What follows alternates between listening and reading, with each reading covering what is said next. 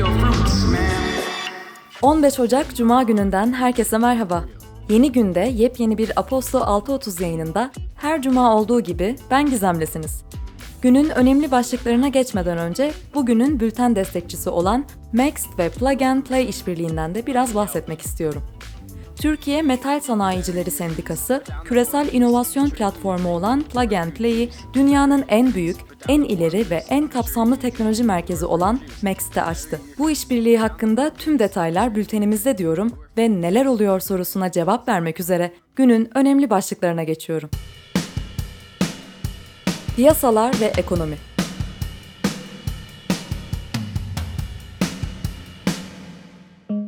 Ekonomik İşbirliği ve Kalkınma Örgütü 2020 yılı için Türkiye ekonomisindeki daralma tahminini %1,3'ten %0,2'ye revize etti. Ekonomik İşbirliği ve Kalkınma Örgütü gayri safi yurt içi hasılanın bu yıl %2,6, önümüzdeki yıl ise %3,5 artacağını öngörüyor.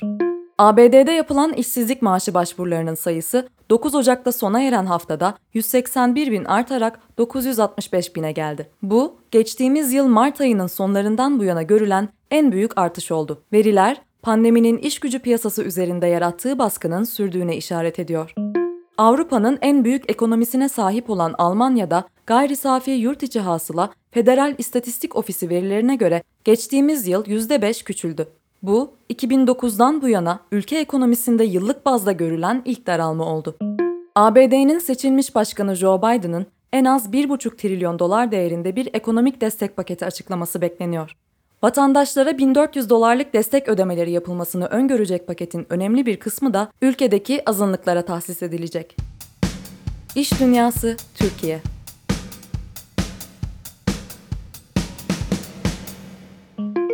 Eczacıbaşı Holding, bilgi güvenliği ve iş sürekliliği alanında ARGE, entegrasyon ve danışmanlık hizmetleri veren Innovera bilişim teknolojilerini satın almayı planlıyor. Taksim Capital Partners ile FTA Bilişim isimli bir şirket kuran Eczacıbaşı, anlaşma sağlandığı takdirde Innovera'nın tamamını bünyesine katacak.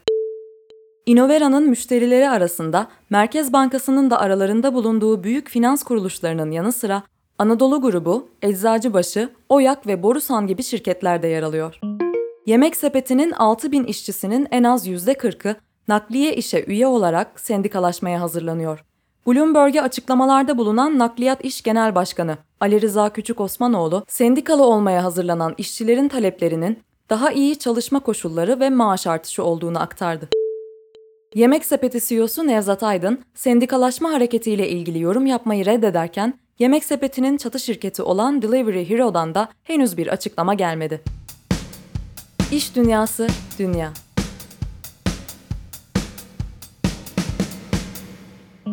Tüketici odaklı finansal teknoloji şirketi Affirm, bir aylık bir ertelemenin ardından çarşamba günü ABD borsalarından Nasdaq'ta AFRM koduyla listelenmeye başladı. İlk işlem gününde yoğun ilgiyle karşılaşan şirketin hisseleri halka arz fiyatının %98 üstüne çıkarak günü 97,24 dolardan kapadı. Halka arzdan 1,2 milyar dolar gelir elde eden şirketin piyasa değeri 23,6 milyar dolara ulaştı. ABD hükümeti ulusal güvenliğe tehdit oluşturdukları gerekçesiyle kara listeye almayı değerlendirdiği Çin merkezli şirketler arasından Alibaba, Tencent ve Baidu'yu çıkardı. Toplam piyasa değeri 1,4 trilyon doları aşan bu 3 şirket ABD borsalarında listelenmeye devam edecek.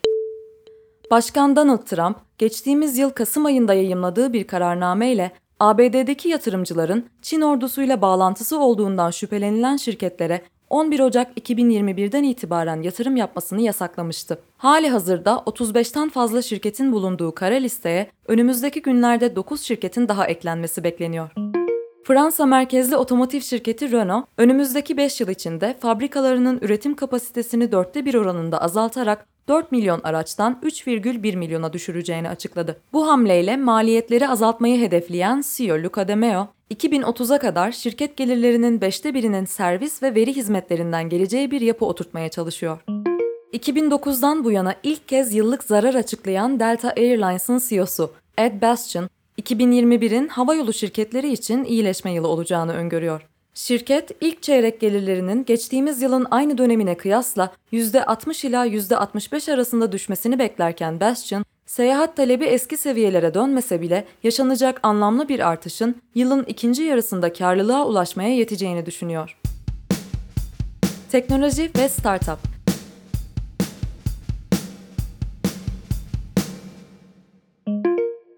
Kripto para borsası şirketi Gemini, finansal teknoloji girişimi Blockrise'ı satın aldı. Bununla birlikte şirket, harcama yaptıkça kripto para kazandıran bir kredi kartı çıkarmaya hazırlanıyor. ABD'de normal bir kredi kartı gibi kullanılabilecek bu kartla kullanıcılar, harcamalarından en fazla %3 oranında kripto para ödülü kazanabilecek. ABD merkezli telekomünikasyon ekipmanları ve yarı iletken üreticisi Qualcomm, Apple'ın A serisi işlemcilerinin geliştirilmesinde çalışan mühendisler tarafından kurulan Nuvia'yı 1,4 milyar dolara satın aldı. Şirket, Nuvia'nın teknolojisini akıllı telefonlardan dizüstü bilgisayar işlemcilerine ve otomotiv bileşenlerine kadar birçok farklı alanda kullanılmak üzere 5G odaklı Snapdragon işlemciler geliştirmek için kullanacak. Samsung'un 2021'deki ilk lansman etkinliği olan Unpacked dün gerçekleştirildi.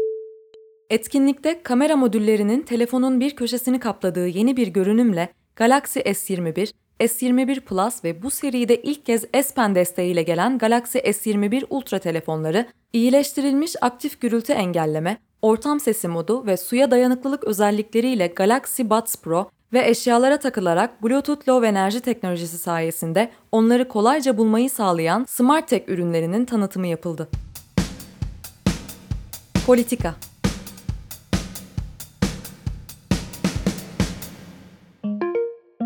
Cumhurbaşkanı Recep Tayyip Erdoğan, Çin merkezli Sinovac şirketinin geliştirdiği Coronavac aşısının ilk dozunu yaptırdı. 300 bine yakın sağlık çalışanına aşı yapıldığını belirten Erdoğan, 25-30 milyon doz aşının daha ülkeye geleceğini söyledi. Erdoğan tüm siyasileri aşıyı teşvik etmeye çağırdı. Belçika'nın başkenti Brüksel'de İbrahima Bari adlı 23 yaşındaki siyah bir vatandaş polis tarafından gözaltına alındıktan sonra karakolda hayatını kaybetti. Olayın ardından geniş çaplı protesto gösterileri başlarken bir polis merkezinin girişi ve bir araç ateşe verildi. Yunanistan parlamentosu Fransa'dan 18 adet Rafale tipi savaş uçağının alınmasını onayladı. Ordusunu güçlendirmek isteyen ülkenin 4 adette fırkateyn alacağı açıklandı. Yunanistan hükümeti, Türkiye'nin Ege'deki Yunan adalarında bulunan ve iltica başvurusu reddedilen 1450 sığınmacıyı geri kabul etmeye yanaşmadığını iddia etti. Hükümet, sığınmacıların Türkiye'ye gönderilmesi için Avrupa Birliği'nden destek istedi. ABD merkezli haber kanalı CNN, ABD Başkanı Donald Trump'ın kongre baskınının ardından isyana kışkırtma suçlamasıyla Temsilciler Meclisi'nden azledilmesinin sorumluluğunu avukatı Rudy Giuliani'ye yıktığını ve avukatlık masraflarının ödenmemesi için talimat verdiğini iddia etti. Konuya yakın kaynaklara dayandırılan haberde azil süreci sebebiyle Beyaz Saray'daki havanın çok gergin olduğu ve Trump'ın kendini kuşatılmış ve yalnız hissettiği de iddia edildi. Öte yandan Twitter'ın kurucusu ve CEO'su Jack Dorsey, Trump'ın hesabını kalıcı olarak askıya alma kararının doğru ama tehlikeli olduğunu, kararın kendisini mutlu etmediğini açıkladı.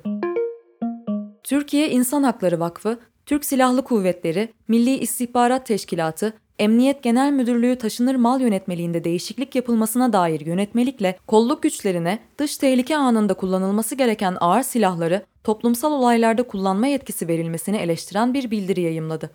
Bildiride, yönetmeliğin yurttaş merkezli demokratik alanın tahribi sürecinde nedenli kaygı verici bir aşamaya gelindiğini gösterdiği ifade edildi.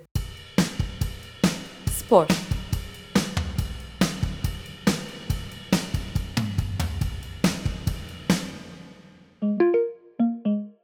Türkiye Basketbol Federasyonu, pandemi nedeniyle ertelenen maçların takvimde yoğunluk oluşturması sebebiyle Kadınlar ve Erkekler Ligi'ndeki kulüplerden gelen taleplerin değerlendirilmesi sonucunda her iki organizasyon içinde 2020-21 sezonunda Türkiye Kupası organizasyonunun düzenlenmeyeceğini açıkladı.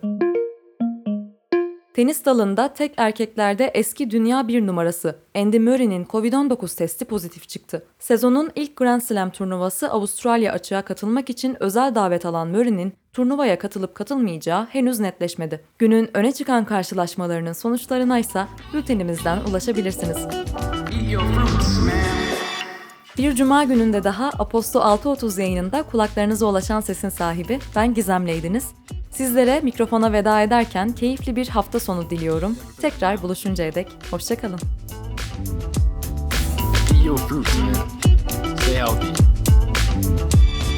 You better eat your fruits, put down the poor moose. Make sure you drink your fruit juice. You better eat your fruits, put down the poor moose. Make sure you drink your fruit juice.